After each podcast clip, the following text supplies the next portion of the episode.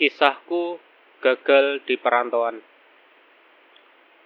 Berawal saat aku lulus SMK pada tahun 2010.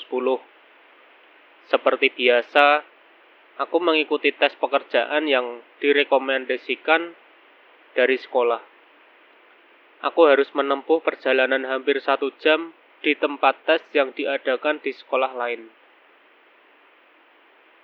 Sebelumnya, perkenalkan, nama aku Eko. Sekarang berdomisili di Yogyakarta.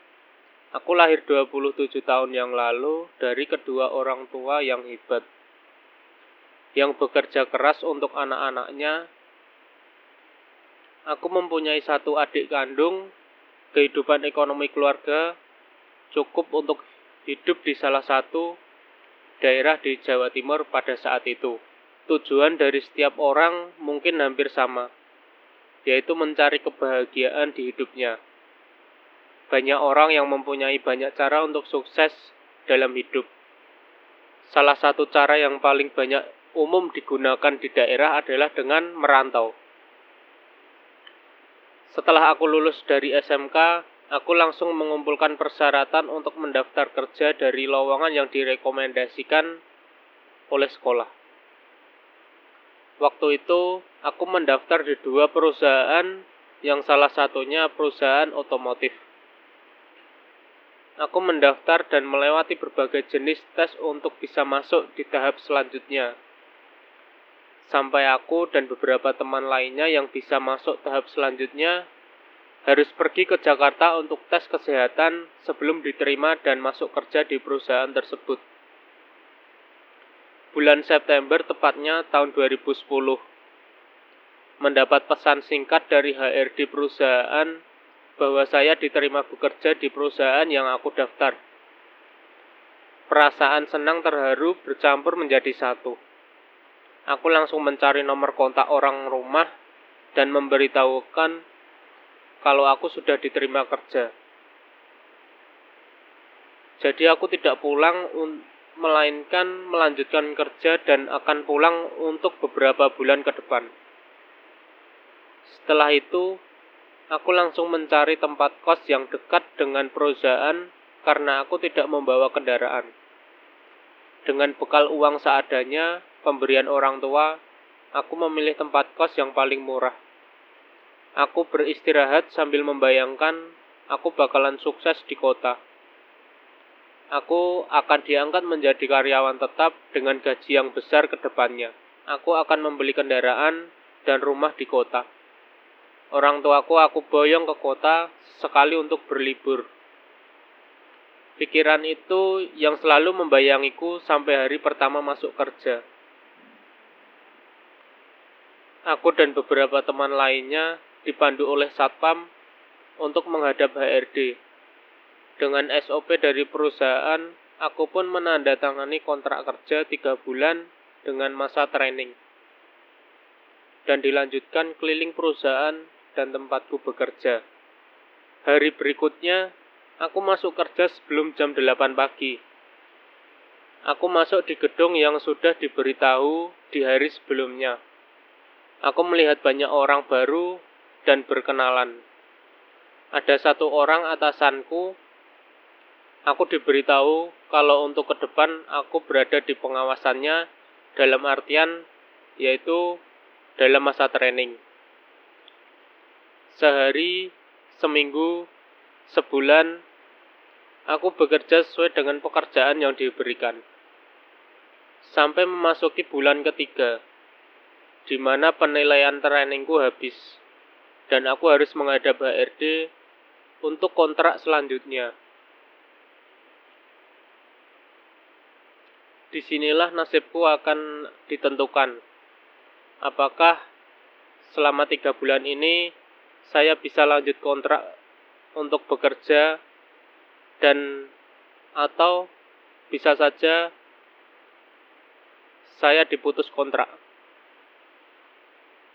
Aku pergi didampingi dengan atasan saya. Dan waktu itu perasaan aku optimis karena aku bekerja seperti sudah baik dan sampailah di hadapan HRD.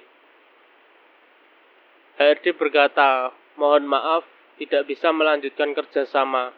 Dan terima kasih buat tiga bulan karena sudah bekerja dengan baik. Ternyata penilaian aku kurang karena emang pesaingnya banyak. Dengan muka tertunduk dan kecewa, aku berjalan menuju kos. Melihat langit-langit kamar kos sambil meratapi nasib yang gagal di perusahaan ini. Aku bingung harus bagaimana. Dengan upah kerja tiga bulan untuk kebutuhan sehari-hari, tidak mungkin aku bilang ke kedua orang tuaku sampai aku pun tertidur hingga malam hari. Terbangun dengan perut lapar, aku pergi ke warung seberang jalan. Dengan tatapan kosong, karena merasa belum percaya dengan nasib tidak diperpanjang kontrak kerja. Hari-hari pun berlalu dengan cepat.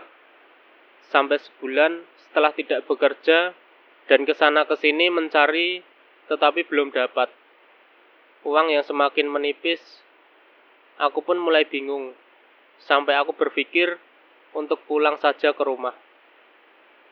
Tetapi orang rumah tahunya aku sudah bekerja di kota. Hati mulai semakin bimbang harus bagaimana. Sampai aku pergi ke sebuah warung pinggir jalan yang bukannya setiap malam hari. Aku menanyakan satu demi satu, apakah saya bisa membantu kerja apa pun pekerjaannya. Sampai ada sebuah warung nasi goreng, aku memberanikan diri untuk bertanya. Dan akhirnya, aku boleh membantu bekerja di situ.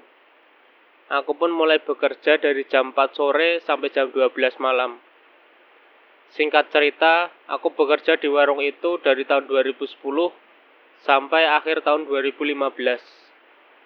Banyak pelajaran yang aku bisa ambil.